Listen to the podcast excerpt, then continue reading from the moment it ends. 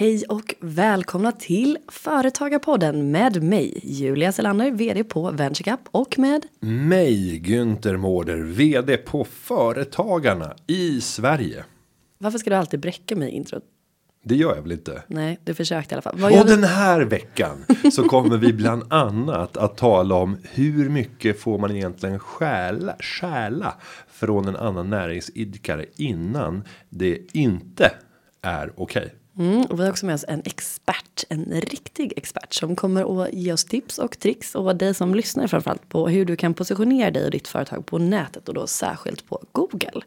Glöm inte att Företagarpodden är podden som ska hjälpa dig att bli en mer framgångsrik företagare. Gå in på din poddläsare och prenumerera så att du inte missar ett avsnitt. Och det är du som lyssnare som skapar avsnitten genom att ställa frågorna till podden. Hur gör man det Julia? Jo, då kan man använda hashtaggen Företagarpodden på Twitter eller Instagram. Eller så kan man gå in på företagarpodden.se och skriva i formuläret där vilken fråga man undrar så tar vi upp den i podden lysande. Mm. Med det säger vi välkommen till veckans avsnitt. Och vi börjar med just en lyssnarfråga som har inkommit från Jakob och Mattias i Göteborg. Fast innan dess ska vi ändå inte avhandla och avslöja. Va, vad är det vi ska avslöja? Jag är på väg till Göteborg.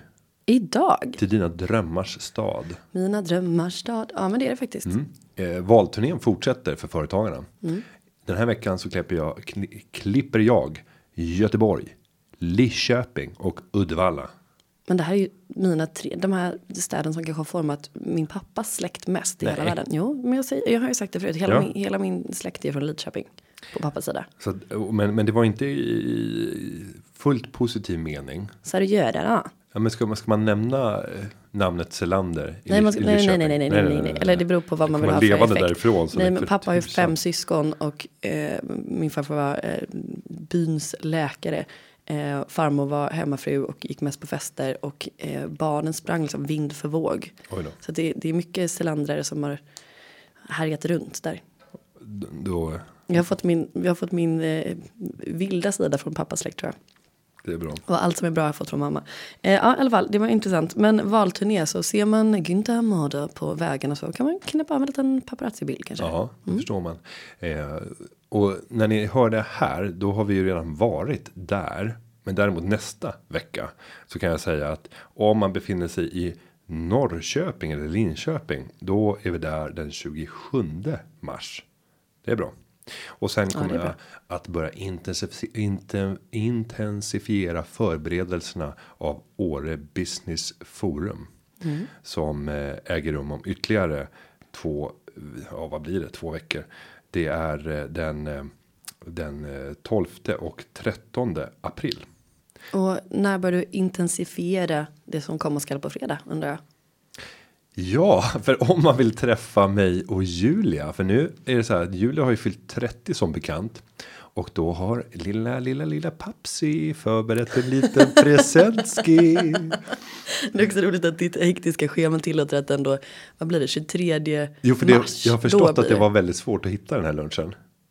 Ja, och det beror kanske inte på undertecknad. Okay. Utan, ja. Men, Men nu ska det bra. På fredag blir det av. Mm. Då ska jag för första gången i mitt liv bjuda Julia eller till och med överhuvudtaget bara äta en lunch tillsammans. Men överhuvudtaget bjuda någon på lunch ja, ja. topp fem händelser så, i hela ditt liv. Och sen så även att det är med dig. Mm. Eh, så att om man skulle vilja vara en så här snooky person. Eh, då kan man bege sig till Strandvägen 1. Alltså flott ska det vara. Oj, oj, Hörde du det? Strandvägen 1 klockan 12. Eh, wow. Då ska jag bjuda dig på lunch där. Så blir det en eh, lång lunch? Det kan bli en lunch. Får... Jag tror att vi kommer se att hela Strandvägen 1 kommer vara fullt av liksom tidningar med små hål. Folk sitter där och tittar ut genom ja, klippta precis. ögon. Så otroligt fascinerande och spännande individer som vi är. Och vi kommer att kunna äta lunch till 13.35. Oj. Så en timme och 35 mm. minuter har vi till vårt förfogande att äta födelsedagslunch. Så jag välkommen allihopa. Jag tänker inte bjuda någon annan än Julia. Eh, men ni får gärna peka mot det där bordet bara eh, två glas champagne till, till det söta paret där borta. alltså, jag tror att någon överhuvudtaget bryr sig om det här. Jag vet inte. Nej, men rätt som det är så dyker det upp någon. Ja, det. Folk som ändå ska äta lunch och tänker så här att ja, men det här ska vara roligt att se. Någon Undra- jävel som undra- kraschar och sen kommer det sluta med att de sitter och pratar med dig hela lunchen. Eller mig. Undrar hur de beter sig. Hur Mm. Günther, jag, vill bara se Günthers min när han ska betala. Bara det är värt besöket. Vet du vad kära lyssnare, jag kan göra er den tjänsten. Jag kan faktiskt försöka filma det här händelseförloppet. Och framför allt att titta på när kvittot kommer om det är dricks eller inte. Oj då. Ja Mm. det kanske är ett sånt ställe. Där man även på lunchen ska dricksa eller? Men herregud. Fast minskar inte sannolikheten att man dricksar om man även på en sån här fin restaurang går fram. Nu vet inte om det är så himla fint. För mig är det fint. För jag tänkte att, jag, förlåt, instick jag, jag tänkte att vi skulle äta upp på Sibylla. Ja, men det blev det inte. Mm. Nej. Men då tänker jag så här att om man går fram till disken. Alltså inte diskdisken utan eh, bardisken. Mm. Och betalar. Så bara, ja, jag skulle vilja lösa ut oss. Mm, men det tror jag typ inte att du kan. Man kan alltid. Alltså även på de finaste restaurangerna. De blir ju nästan lite stötta men man kan. Sen tänker jag också att om man ser det så är det ju ändå en liten kändis. Att man, man vet ju att med Günther så kommer liksom ett moln av spar. Så att det är lite som så här Uppdrag granskning när han kommer. Då blir man lite rädd. Och när du kommer så bara, "Ah, ja, men då, då tillåter man att det inte är någon dricks. Nej, det blir bra. Men jag, jag, jag ser väldigt mycket fram emot detta. Så det blir en härlig vecka. Och sen piper jag till London över helgen. Oj, oj, oj, fint ska det vara. Nej, och eh, visst eh, börjar det vara sista refrängen för de som vill eventuellt vara med i en tävling. Mm, eh, inte vilken tävling som helst utan Sveriges största och bästa och mest välrenommerade tävling i tidigt entreprenörskap. Så sitter ni där och kuckelurar på en affärsidé eller har precis skapat ett bolag som eh, då, den översta gränsen är att ni får inte ha omsatt över en miljon kronor eller tagit in externt ägarkapital. Allt under det är välkommet till VentureCaps tävling Startup. Så in på venturecap.se och registrera ert pitchdeck där eller er pitch över vilket bolag det är så kan ni vinna pengar, PR och eh, min eviga kärlek antagligen. Vad häftigt. Mm, så den 10 april är det där. Och det som är unikt är också då, om vi ska göra lite mer reklam, alla får feedback. Så att det är ett väldigt bra sätt att eh, lägga upp det i vårt community och få input från eh, potentiella kunder eller vad man nu vill. Eh, så in och kika på idéer. Och vill man, nu tror jag lite väl sent, men, men på onsdag den 21 då kommer jag sitta i juryn i Stockholm Pitch Meetup. Som SSI Business Lab arrangerar. Eh, Handelshögskolans inkubator. Så då ska jag sitta och bedöma just affärsidéer i tidigt skede. Som eventuellt kommer att få ta sig in på labbet. Och få sitta i inkubatorn. Alltså det, är, det här är ju det roligaste med våra jobb, när man får sitta i jurygrupper. Mm, Och bara bedöma.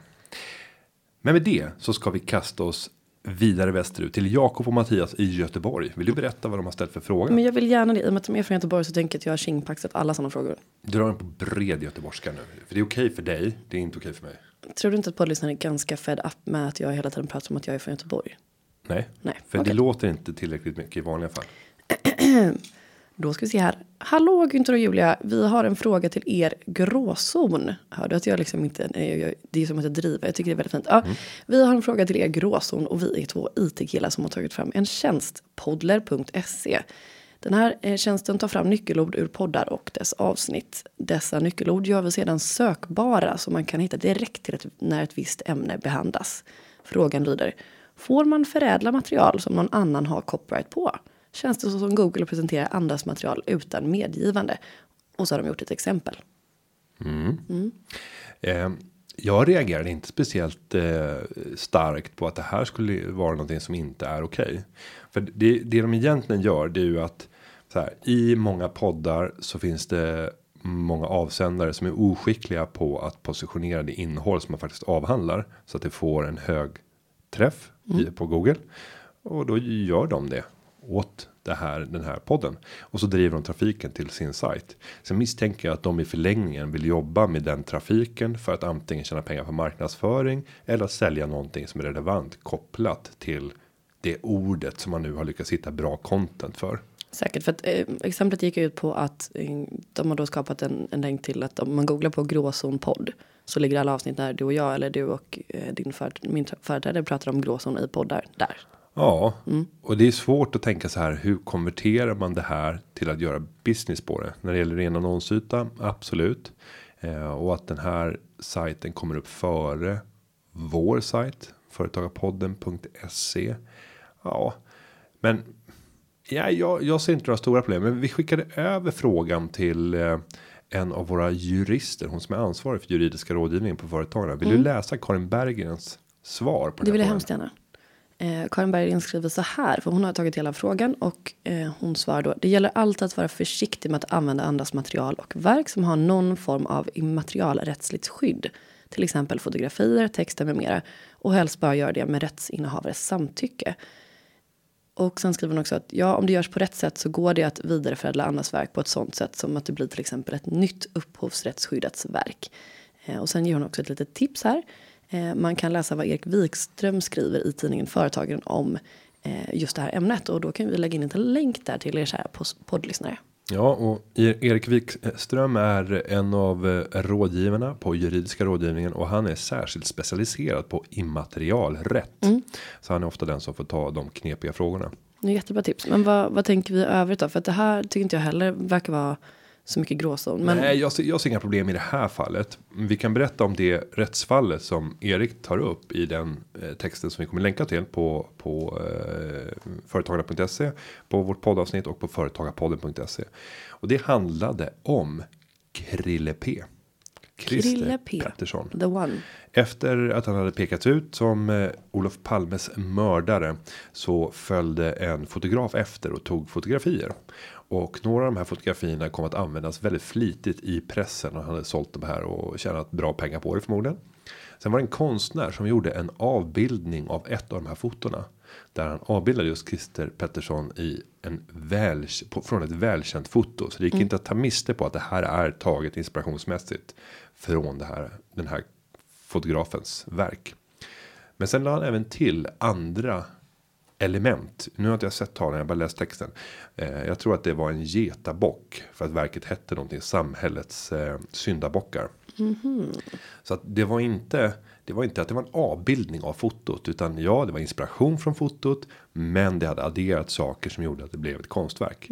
Och det här drevs ända upp till högsta domstolen. Och ehm, där vann konstnären. Han hade rätt att göra det för att han hade gjort sådana stora förändringar av verkets Det är svårt att dra gränserna där. Men ja, Ja, men sen tänker jag på mer tydliga saker. Det är ju så här Omni, Omni-tjänster. Där du- nyhetssajten. Ja, och, och om du då länkar in. Du tar nyheter från allsköns eh, nyhetsbyråer och tidningar. Och så skapar en egen sajt baserat på det. Du har inte själv skapat någonting av innehållet. Du källhänvisar var det kommer ifrån. Eh, och sen så tjänar du pengar på att du har en bättre presentation av de här nyheterna. En bättre app. Du har och på så sätt få trafik och därmed kan tjäna pengar på på annonsintäkter. Du kan ju tänka att även även Facebook är ju den karaktären. Man ska väl också säga att om ni gör ju en hel del egen redaktionellt material först. Ja, men om, vi, men om vi tänker en aktör som inte gör det, men med samma typ av funktionalitet. Man tar andra, att man gör källhänvisningar och säger varifrån man har fått det. Ehm, nej, men är, jag tycker man ska prata med någon som är duktig på immaterialrätt för att bara se så att man är på den säkra sidan. Men, men min uppfattning utan att vara sakkunnig i området är att man, man kan gå relativt sett långt så länge du hänvisar till varifrån det kommer. Mm. Okej, men vi hoppas att, att eh, Mattias och Jakob har fått svar på sin fråga. Tack för att ni skickar och vi, frågan. Och vi är bara glada över att ni eh, ja, skapar eh, bra trafik till intressanta poddavsnitt. Och, Verkligen. och framförallt så är min förhoppning att de via deras tjänst gör att vi får in relevant trafik. Mm. Så att eh, om man söker på så här avdragsrätt för bostad i hemmet.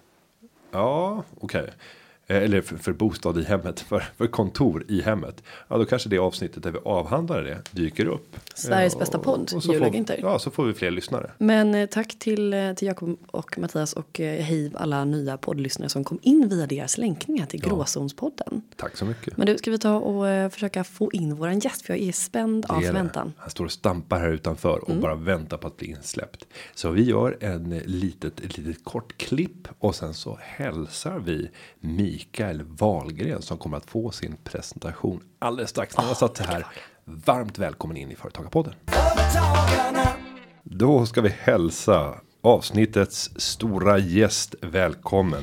Mikael Wahlgren! Woo, woo, woo! Som har grundat Pineberry som idag driver Sökpodden och är specialist, kunskapsspridare och inspiratör kring sök. Tack för den introduktionen, kul att vara här. Eh, ja, och det här har ju kommit att bli väldigt viktigt för eh, alla som vill ut på marknaden. Vi har ju förändrat vårt beteende.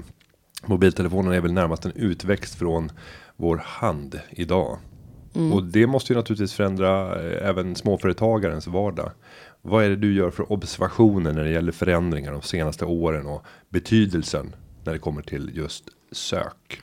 Nej, men det som sök har förändrat är att det är där vi hittar saker idag. Eh, tidigare så kanske man använde gula sidorna för när man skulle hitta sin rörmokare. Men det är väl ingen som använder gula sidorna längre. N- när försvann eh, telefonkatalogen i, i dess nuvarande form? Var det fem år sedan eller något sånt där? Som man slutade något distribuera sånt, ut den? ja. Jag menar, den slutade distribueras, men när man slutade använda den måste ju varit mycket Ja, ja, det var ju långt tidigare. Mm. Men man kommer ihåg första gången när den kom som CD-ROM. Mm. Det var ju så otroligt mäktigt när man stod med den där CD-ROMen. Shit vad sök är enkelt nu. Jag behöver en skiva. Så jämförde man med i Stockholm så var det två tjocka telefonkataloger som utgjorde Stockholms län. Men mina vanligaste googlingar skulle jag säga. Jag låter ju som en komplett galning. Jag har ju tre olika ja, lägenhetssituationer, lite speciell. Men eh, så att jag har också adressannat för bolaget. Så att jag, jag googlar alltid på vad jag har för postnummer. Mm. Så, ja, Det frågar Siri, var bor jag? Men typ. Men man behöver ju inte lära sig någonting längre. Nej men det är det jag Eller menar. komma ihåg telefonnummer eller något sånt där. Utan det, det kan man ju lätt googla fram.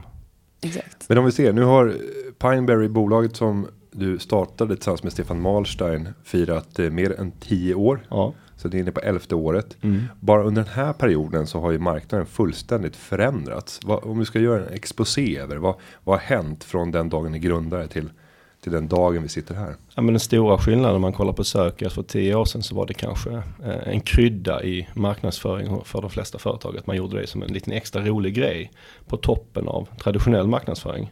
Nu skulle jag snarare säga att det är tvärtom att eh, för de flesta företag så börjar marknadsföringen på Google. Och sen har man kanske traditionell marknadsföring som en krydda. Så det är den förändring som man har skett över de här tio åren skulle jag säga. Det har blivit en självklarhet att synas där. Och om vi fortsätter att extrapolera trenden Mm. och säger att ja, men den trend som vi nu har sett de senaste tio åren den kommer att fortsätta. Men som i så många andra eh, områden så kommer den eskalera. Vi kommer få en exponentiell utveckling. Mm. Vad skulle det betyda?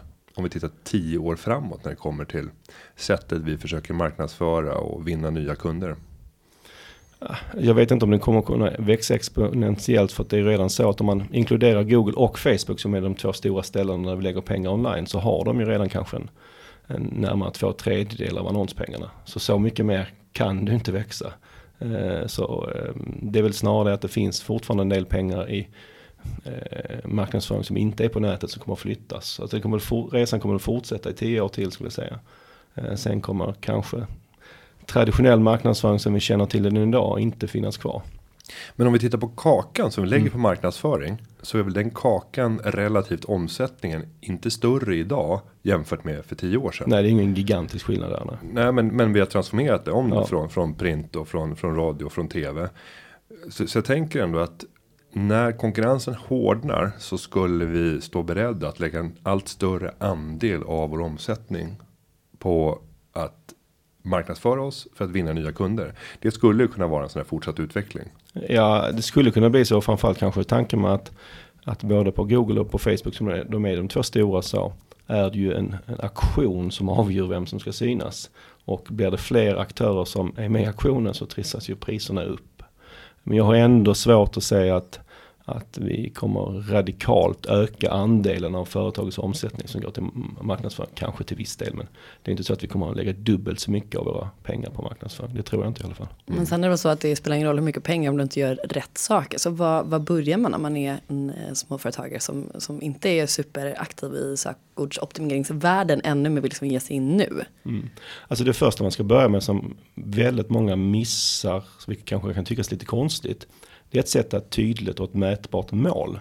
Mm. Eh, för att många känner så här idag att ja, men jag måste synas på Google. Så man hoppar liksom över det här steget att varför jag ska synas på Google. För jag tycker det här är helt fantastiskt att jobba med. Men det är inte så fantastiskt att jag vill göra det om det inte är lönsamt. Och för att ta reda på om det är lönsamt så måste man ju ha satt ett mål. Och för att man ska kunna dra de här fördelarna med Google jämfört med traditionell marknadsföring. För om du annonserar på tv så kan du ju i bästa fall ha en magkänsla av vad det är. Men på Google kan du ta reda på det. Förutsatt att du har ett mätbart mål.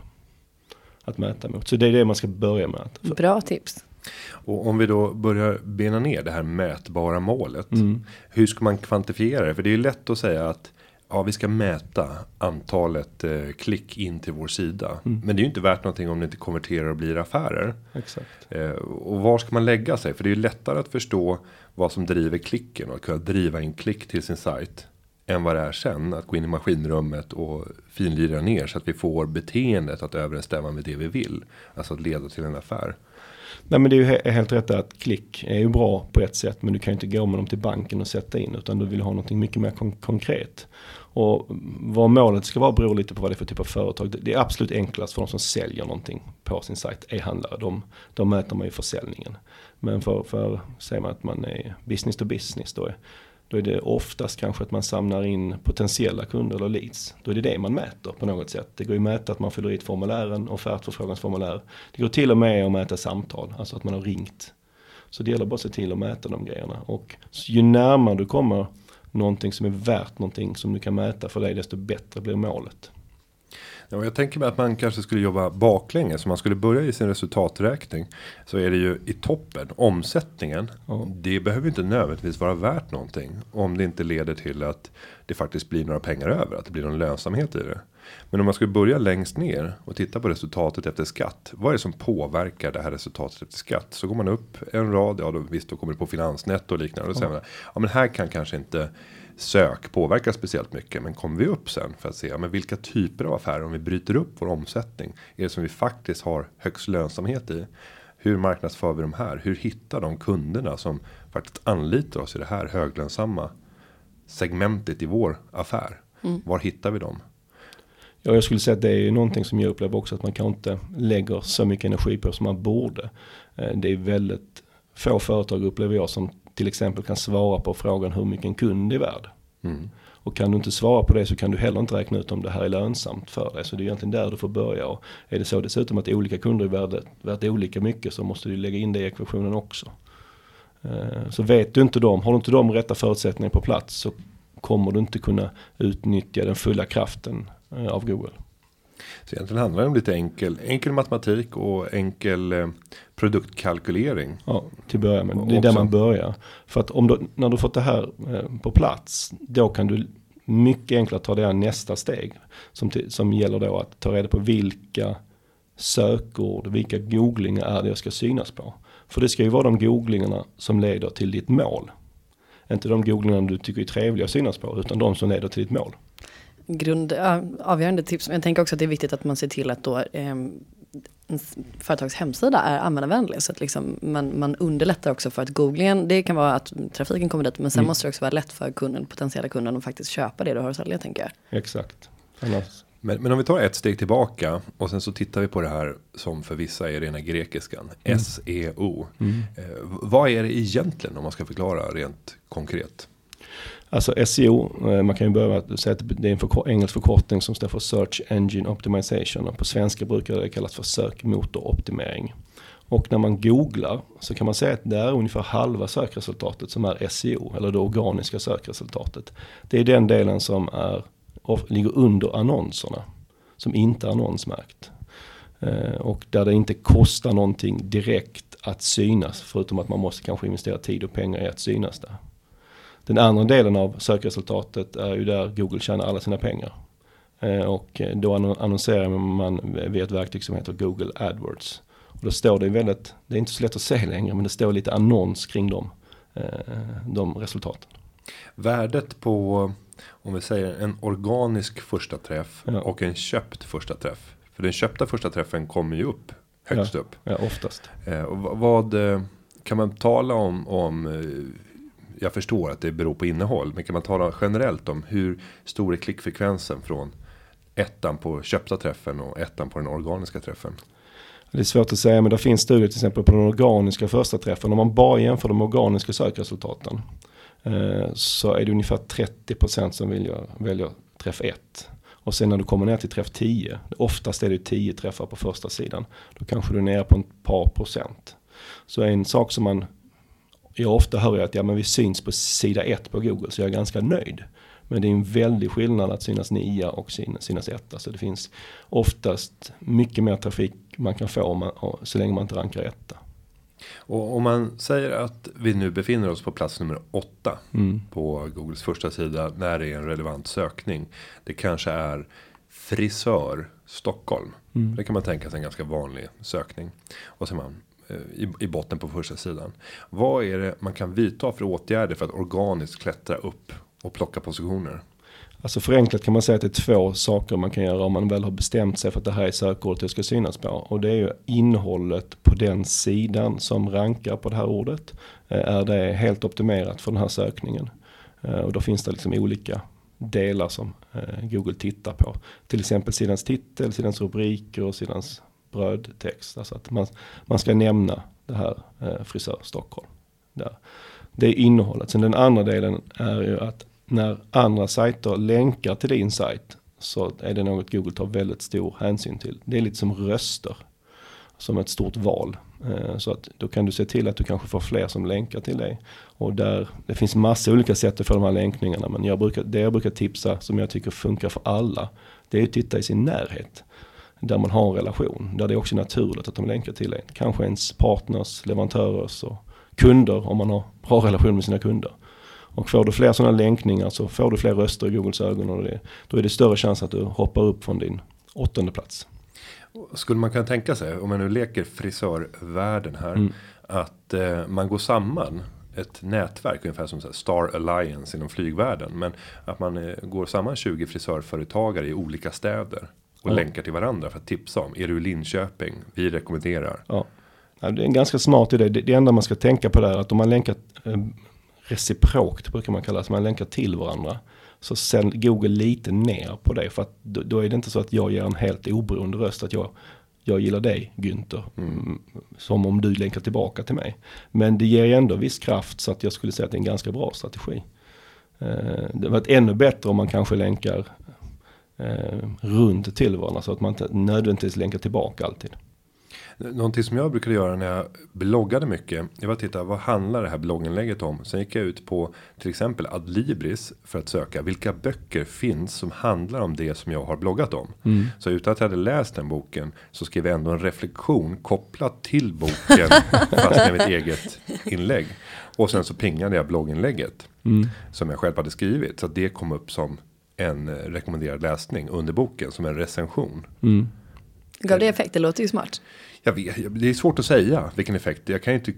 Finns det något sätt att mäta och kalkylera vad det här har inneburit? Google är ju inte öppna när det Nej, det är lite delen. svårt att säga. Jag, jag är lite osäker på om det, det, det blir en sån typ av riktig länk som Google räknar. Eh, men, och det är svårt att säga vad en enskild länk till exempel ger. Utan det är ju summan av ens länkar som, som på något sätt bildar en trovärdighet i Googles ögon. Så det går inte liksom att utvärdera enskilda länkar. Sen handlar det väl också, jag har förstått, om hur länge besökarna stannar på en viss sida. Inte så mycket för hur Google väljer att ranka dig i sökresultatet. Nej. Däremot så spelar det ju stor roll för om de kommer att göra det du vill att du ska göra till exempel. Kanske boka en klipptid eller vad det kan vara för mål om man är frisör. Sen en annan, jag vet inte om det var smart, men i slutet av varje eh, blogginlägg så funderade jag över om jag nu söker på de nyckelord som jag skulle vilja att det här blogginlägget rankades högt på. Vilka rankas idag högt? Och så la jag in dem i botten, tips för vidare läsning. Och sen så la jag in länkarna för de sajterna.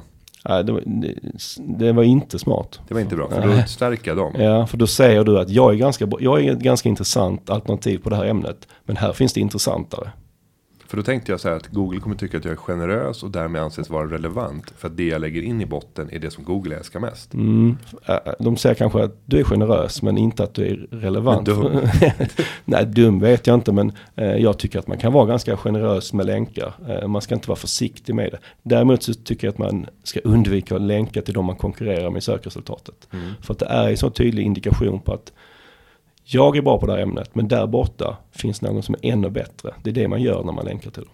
Men då kanske man ska ta de som man vet att man inte kommer att kunna slå. Om vi tar Wikipedia. Mm. Ja, Nej, du kommer aldrig kunna krossa det med ett bra blogginlägg. Ja. Om det är en relevant eh, sida som finns. Som Mm. förklarar just det här. Du har, du har, så, så där kanske är ofarligt. Det är ofarligt, men, men det finns också en liten en myt kring att eh, det är en fördel att länka ut sådär. Att om man länkar ut så, så, så blir Google glad på något sätt och du kommer rankas bättre.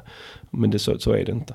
Utan, eh, Vilket uppvaknande det här blev för Ja. mig. Däremot så återigen, om, om du länkar till någon så är det ju större chans att du får en länk tillbaka. Så det finns anledning att vara generös med länkar. Mm. Som det finns i, i alla sammanhang här i livet. Att är man generös så får man oftast någonting tillbaka. Ungefär som när man raggar på krogen. Mm. Ungefär, det är, jag älskar alltid dina exempel. De är alltid med relationer eller har någon sexuell anspelning. Det är fantastiskt. Alltid när det är småföretag så är det. Tänk dig en frisör. Jag undrar vad det här beror på. Vi pratar ju om Google som att det är någon form av gud. Vad tror du om, finns det någon som kan bräcka Googles liksom, marknadsposition? Eller kommer vi att googla för alltid? Jag har, jag har väldigt svårt att säga att det ska komma en annan sökmotor som ska ta Googles plats. För de, det har blivit så, bara på de här att vi kallar det Google, det har blivit så dominant så att jag har väldigt svårt att se det.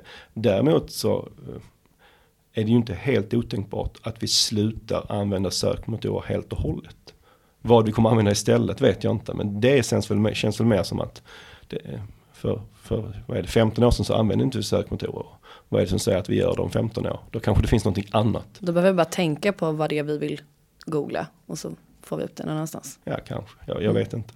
Spännande. Men om vi ska gå vidare till olika kategorier av företagare och säga att det här är ett av de tuffaste områdena att kunna positionera sig för att slaget är så extremt hårt när det gäller de här typen av sökord och liknande.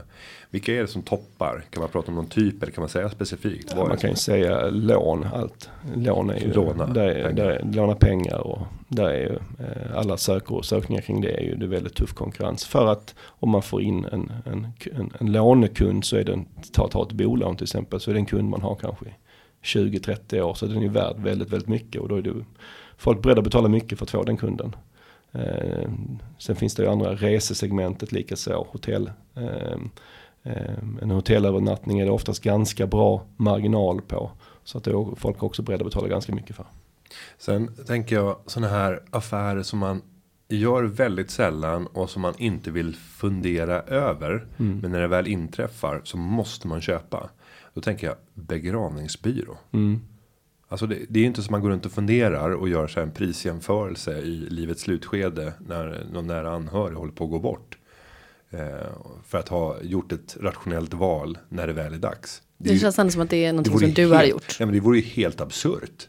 Eh, men, men en dag så kommer vi till det stadiet. Vi vet att vi kommer att behöva göra en affär. Och vad är det man gör då? Ja, begravningsbyrå. Alltså man kallar ner kanske och får hjälp och bli slussad via kyrkan. Liksom. Ehm, Ja, men jag tycker det är ett väldigt bra exempel för när det, det tråkiga händer så, så vill man ju många säkerligen ha hjälp och då börjar vi googla och jag tror inte man kanske är lika priskänslig som man är i andra sammanhang. Så att det är också ett segment som, som det finns stora möjligheter på Google och där det också är hyfsat stor konkurrens.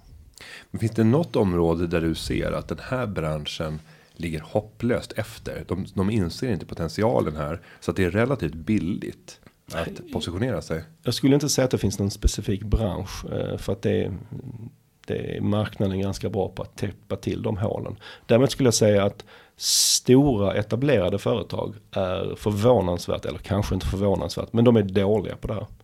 Eh, väldigt dåliga, trots att de kanske har bättre förutsättningar än mindre företag eh, i grunden. Men de, det kan ju vara, ta till exempel de svenska storbankerna inte, de utnyttjar inte alls sin potential på att synas på Google. De, de får kanske sina kunder ändå, men det är mycket kunder de ger till mindre aktörer i, i den branschen för att de inte riktigt eh, ser till att synas på ett bra sätt. Vad, vad anser du om vi pratar lite så här etik? Mm. Är det okej att köpa konkurrentens eh, varumärke och sen länka in till sin egen hemsida? Eh, det kan man göra till exempel när det är på AdWords. Så idag får man, numera får man i princip, det är nästan fritt blås på att man får annonsera på vilken konkurrentsnamn som helst. Däremot får man inte nämna det i själva annonsen oftast. Eh, jag har inga etiska problem med det. Jag ser, jag, ser, jag, ser inte, jag ser inte det, ett problem med det. Däremot är jag inte säker på att jag rekommenderar det. För att vi har tagit, för vår egen del har vi bestämt oss att vi annonserar inte på våra konkurrenter. För jag vill inte ha den relationen med mina branschkollegor. Men jag ser inget etiskt problem med det. Utan det är mer ett, ett strategiskt beslut vi har tagit.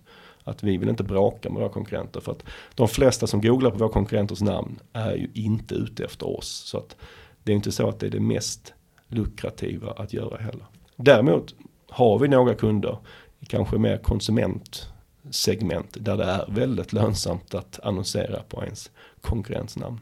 Och jag ser som sagt inga direkta etiska problem med det. Ser ni det?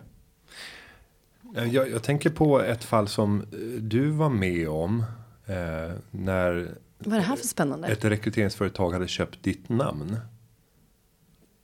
Du känner inte till det här? Nej. Nej. Eh, men, Men- Vänta, vänta. Okej, ja. men det är nog för att du googlar för lite på dig. Det, jag, Jag googlar aldrig på mig själv. Nej, men jag googlade på dig. Ja. Eh, och då kom det upp som första köpträff. Eh, Julia Selander. Nej men sluta. Jo, det är Men sant. varför berättar inte du? Jag vet inte varför. Jag inte... Ska du chocka mig? Ja, Nej, men det kan. direktsändning. Nej, men det kan ha varit när jag. Eh, Okej, men berätta mer. Vad var det för företag? när jag, eh, ett rekryteringsföretag. Mm. Så bara, Julia Selander, det här kan vara ett jobb för dig. Och sen så var det en inlänkning till en sida och sen fanns det en rad jobb som man profilerade. Som stämde överens med sannolikt din LinkedIn-profil. Ehm, och jag, Nej. och jag tror att det här kanske var för lite drygt ett år sedan. När jag satt och hade dig i huvudet hela tiden. Höll jag på att säga. Och jag satt och googlade Mm. Som dig varje dag. Nej, men när du ville Nej. ha en ny Ja, poddpartner. när jag skulle leta ny poddpartner. Och då satt man och googlade runt. Och då såg jag att det var rätt många. De var rätt offensiva just under den här perioden. Och hade köpt väldigt många namn. Eh, Men tänk också att det finns, ursäkta språket, det finns ganska mycket skit på mig. Så att det var intressant att se vad du hittade för grejer där. jo, jo, absolut. Det, det, var Du därför, bara, det, henne ska vi det var ha. därför det tog så lång tid. Ja men sluta. Nej men det här det var ju ett ganska innovativt sätt. Och, och skulle man vilja skicka ett budskap till en känd person. Eh, så kan ju det vara en ganska effektiv modell. För att vem skulle inte klicka på en köpt träff. Där det står Günther Mårder. Det här visste du inte om dig själv. Alltså jag hade blivit så nervös. Eh, och sen så ser man i ingressen där. Eller vad kallar man det som står under? Ja, annonsytan. annonsytan. Att det är en träffsäker grej som det handlar om mig. Eh, där det står så här, Günther Mårder föddes i Upplands Väsby men växte upp i Sollentuna. Men vad du däremot inte visste var, och sen så punkt, punkt, punkt. Ah, vad var det här? Det är kanske det vi ska göra efteråt. Ja. Ja men det tycker jag låter spännande. Ja och, Jag känner att jag måste googla mig själv omgående. Mm, men det där är borta nu. Eh, men, men har du stött på den här typen av kommunikation när det är så här enskilda personer? För det kostar nästan ingenting. Nej, det, det är faktiskt att fråga om ett, ett, ett, en bransch där det inte kostar så mycket. Och det här är ingen bransch, men det här är ju kanske att namn generellt sett, privatpersoners namn är inte ofta så kommersiella. Och den typen av googlingar så finns det inte så många annonsörer och då blir klicken väldigt billiga. Men jag har ju svårt att se hur man ska tjäna pengar på det i slutändan. Men ibland kan man ju såklart se det. Det är inte ofta jag ser det. Men jag har ett bra tips där om, om man upplever att ens konkurrenter annonserar på sitt namn. För det har hänt oss ett par gånger. Då har jag eh, mejlat de personerna eh, på de företagen och frågat om de har gjort det medvetet eller omedvetet. För det går faktiskt att göra det omedvetet. Och i, i alla fall hittills så har de ju slutat med annonseringen. Så det går ju oftast, för de flesta vill ändå ha en god ton med sina branschkollegor. Så det går att få bort det i de flesta fall. Och får jag gissa att det i alla lägen har varit omedvetet? Ja, de har, det är det de har svarat. Ja, Nej, jag vet inte vad som har hänt. Och så o- Oj. ome- omedelbart bara Du är den försvann tionde den här månaden, vad spännande. Ja. Undersöka vad det är som har hänt. Ja, men det är ju fint av dig att du ger dem den möjligheten.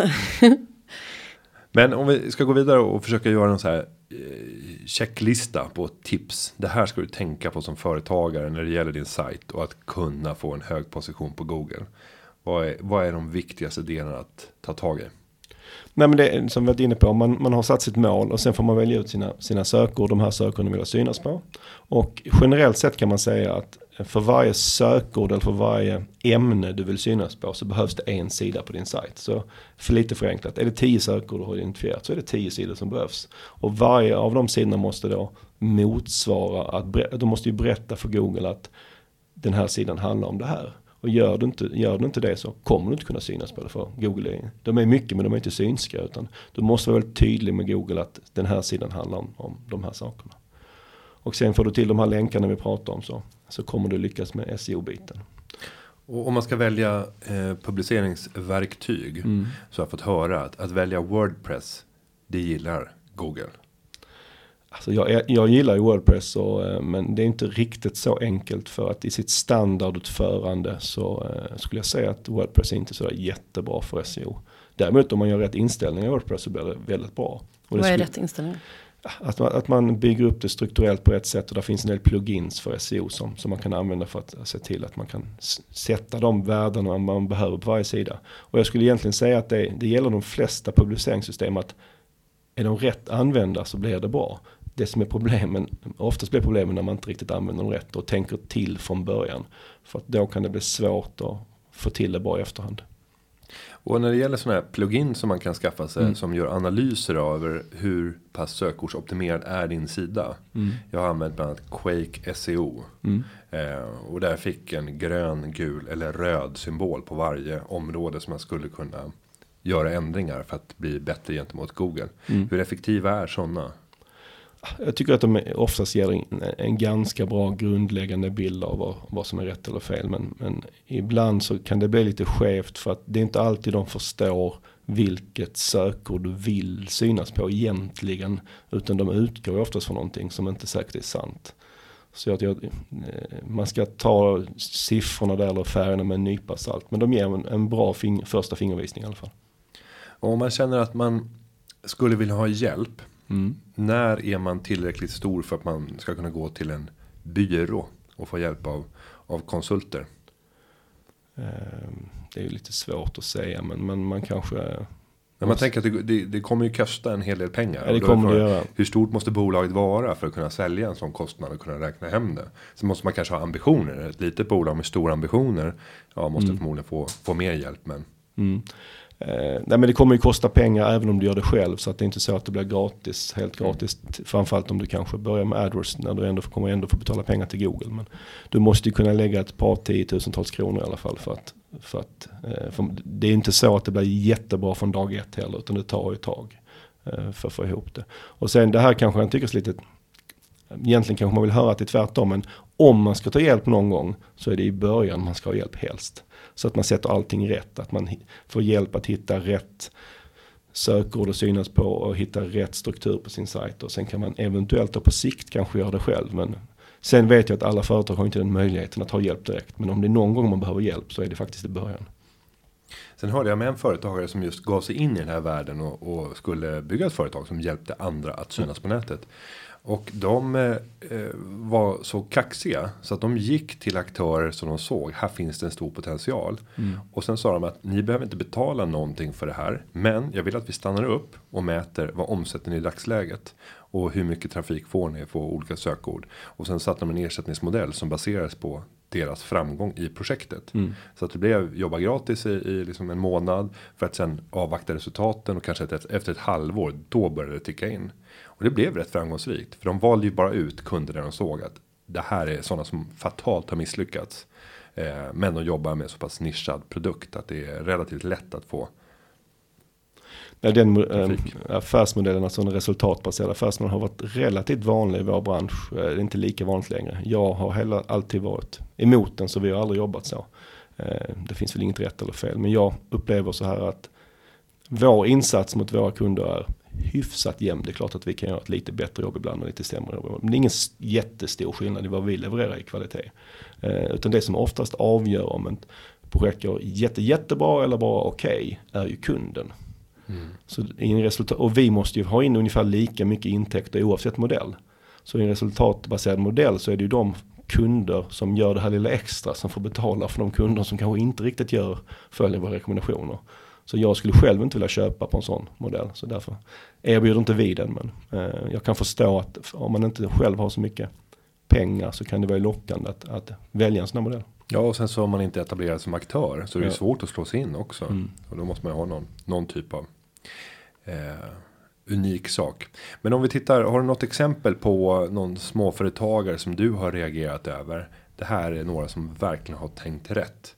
Du behöver inte nämna dem vid namn om du inte vill eh, liksom outa någon specifik. Men har du sett något exempel där du sagt att wow, det här har verkligen fått den här businessen att flyga. Trots att det är en relativt liten aktör. Nej men alltså ett, eh, ett tydligt exempel på där det här har varit extremt viktigt är ju alla, alla e-handlare vi har idag. Som om för tio år sedan inte fanns. Eh, ta, ta några av dem det skrivs väldigt mycket om som eh, Apotea och Partykungen och alla de här riktigt stora aktörerna. För dem har ju Google varit en väldigt, väldigt viktig del till att de har kunnat växa på det här sättet och ta affärer från traditionella företag. Så i princip det är väl kanske det bästa exemplet där, det här, där, där Google har haft störst effekt. Att alla nya e-handlare som inte fanns för tio år sedan. Där de är såklart jätteduktiga företagare för det finns många e-handlare som inte har lyckats. Och de, de, de som har lyckats beror ju inte bara på Google men Google har ju varit en nyckel i, i deras framgång. Mm. Nej, det är tveklöst så att det har varit eh, vissa bolag som har varit närmast explosionsartad i sin utveckling. Ja. Både Apotea som blev årets företagare för två år sedan och även Partykungen som blev årets unga företagare för fyra år sedan. Joel som driver det Mm. är ju tror jag strax över 30 men har redan liksom bygga, lyckats bygga upp en marknadsdominant i Sverige och, och Norge. Mm. Eh, och sen kan man ju ta helt andra typer av som knappt ens är företag. Men ta, ta, ta Wikipedia till exempel. Jag tror inte de egentligen tänkte så mycket SEO när de startade från första början. Men det är väl kanske en av de sajterna som får mest trafik från Google idag. Eh, eh, och det är ju återigen liksom så, googling eller sökningar som jag, jag vet inte vem de har slått undan benen. Det är väl alla gamla uppslagsverk och liknande som inte, det köper man knappt längre. Nej, det är få som lägger in den där prenumerationen på bra böckers lexikon eller Mm. köper ett band av Nationalencyklopedin i kvartalet. Det vet ju inte du.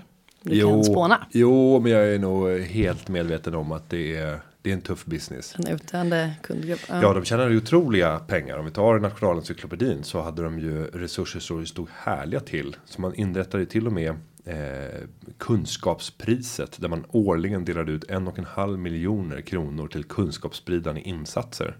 Eh, och där fick jag vara med. Dels ta emot priset och sen sitta i juryn. Så vi tackade väldigt mycket för gammal försäljning av Spännande. nationalencyklopedier. Men man kommer ju framstå som Priset, uråldrig. men priset finns inte kvar ska tilläggas. Och det kanske är ett tecken i tiden. Mm, det kan man väl säga. Men man kommer ju framstå som uråldrig när man berättar för barnen sen att ja, men på min tid, då när man skulle skriva skolarbete, då fick man gå ner till biblioteket och så slog man upp Afrika. Ja, och så fanns det liksom tio rader och så skulle alla i klassen skriva sitt arbete på de här tio raderna och då fick man liksom vara lite kreativ med hur man skulle formulera meningarna för det var det som gjorde att man fick ett bra betyg eller inte. Och sen tittade man på se även. Som alltid fanns. Som länkade vidare så att säga. Till andra eh, uppslagsord. För att få fördjupningar. Och sen gick vi ut i skogen och lekte med kottar. Ja, så var livet. Lite enklare. Nej, men jag hoppas att, att det här samtalet med, med dig kanske har inspirerat eh, fler till att ta tag i sin situation. Och skulle man vilja fördjupa sig i det här och bara så här nu känner jag att jag är så hungrig på att bränna nästan 40 avsnitt hade jag helst av allt velat ha eh, av eh, det här typen av content. Då kan man ju gå till sökpodden. Det tycker jag låter som en utmärkt idé. Och hur ofta släpper ni En avsnitt? gång per månad kommer ett på torsdag. Mm. Där kan man få mängder av tips av Mikael. Tips, tips. Så med det så säger vi stort tack för att du har kommit till Företagarpodden. Nu ska vi ut på nätet. Utsöka, jag på att säga. Ut och visa upp oss. Sök. Mm.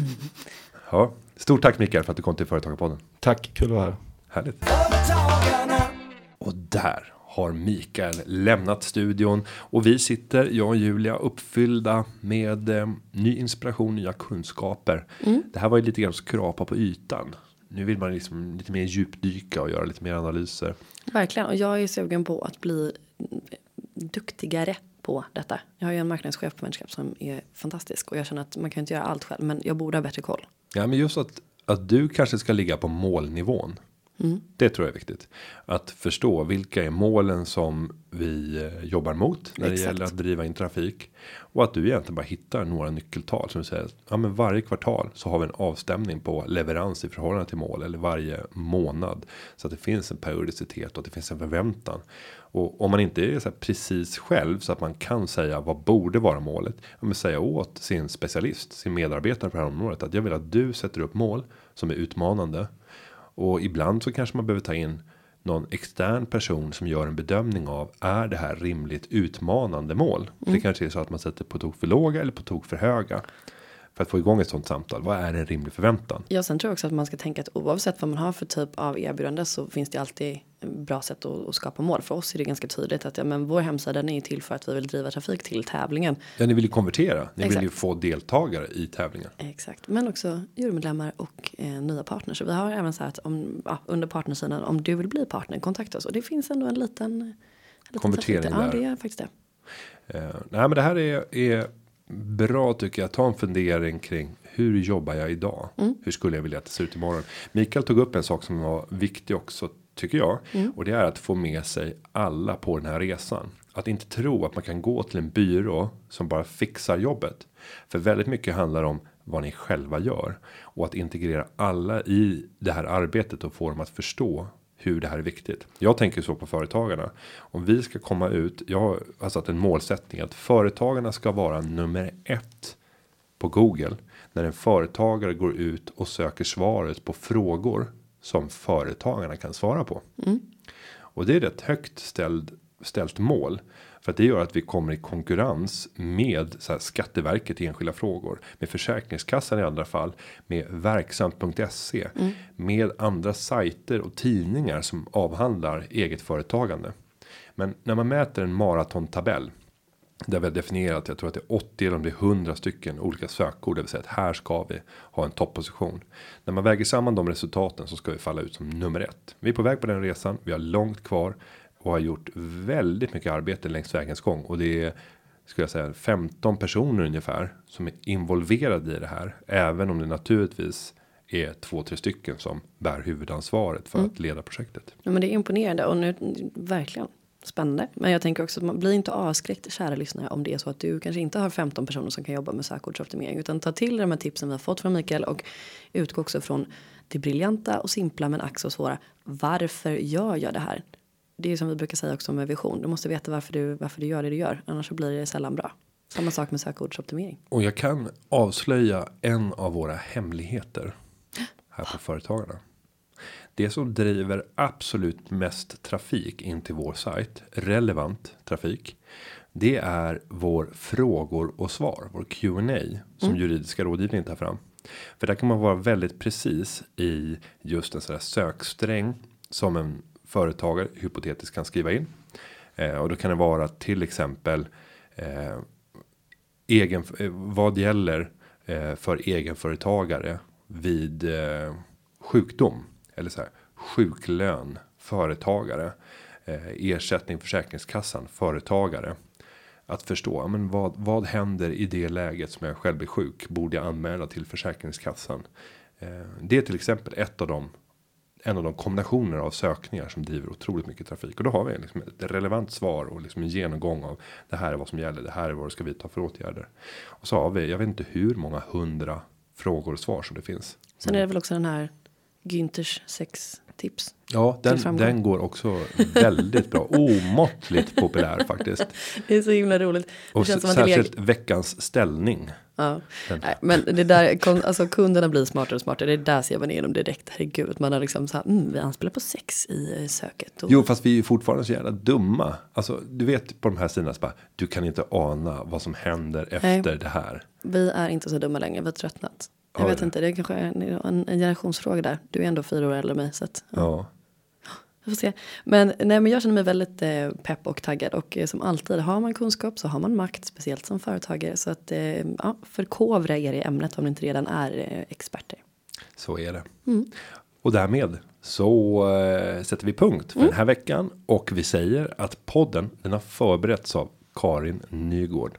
Och klippningen den är gjord av Linda Aunan Edvall. Ha en fantastisk vecka. Nu kör vi. Vi hörs igen nästa vecka. Och vi kanske ses på Strandvägen 1 på fredag. Gud vad spännande. Hej då.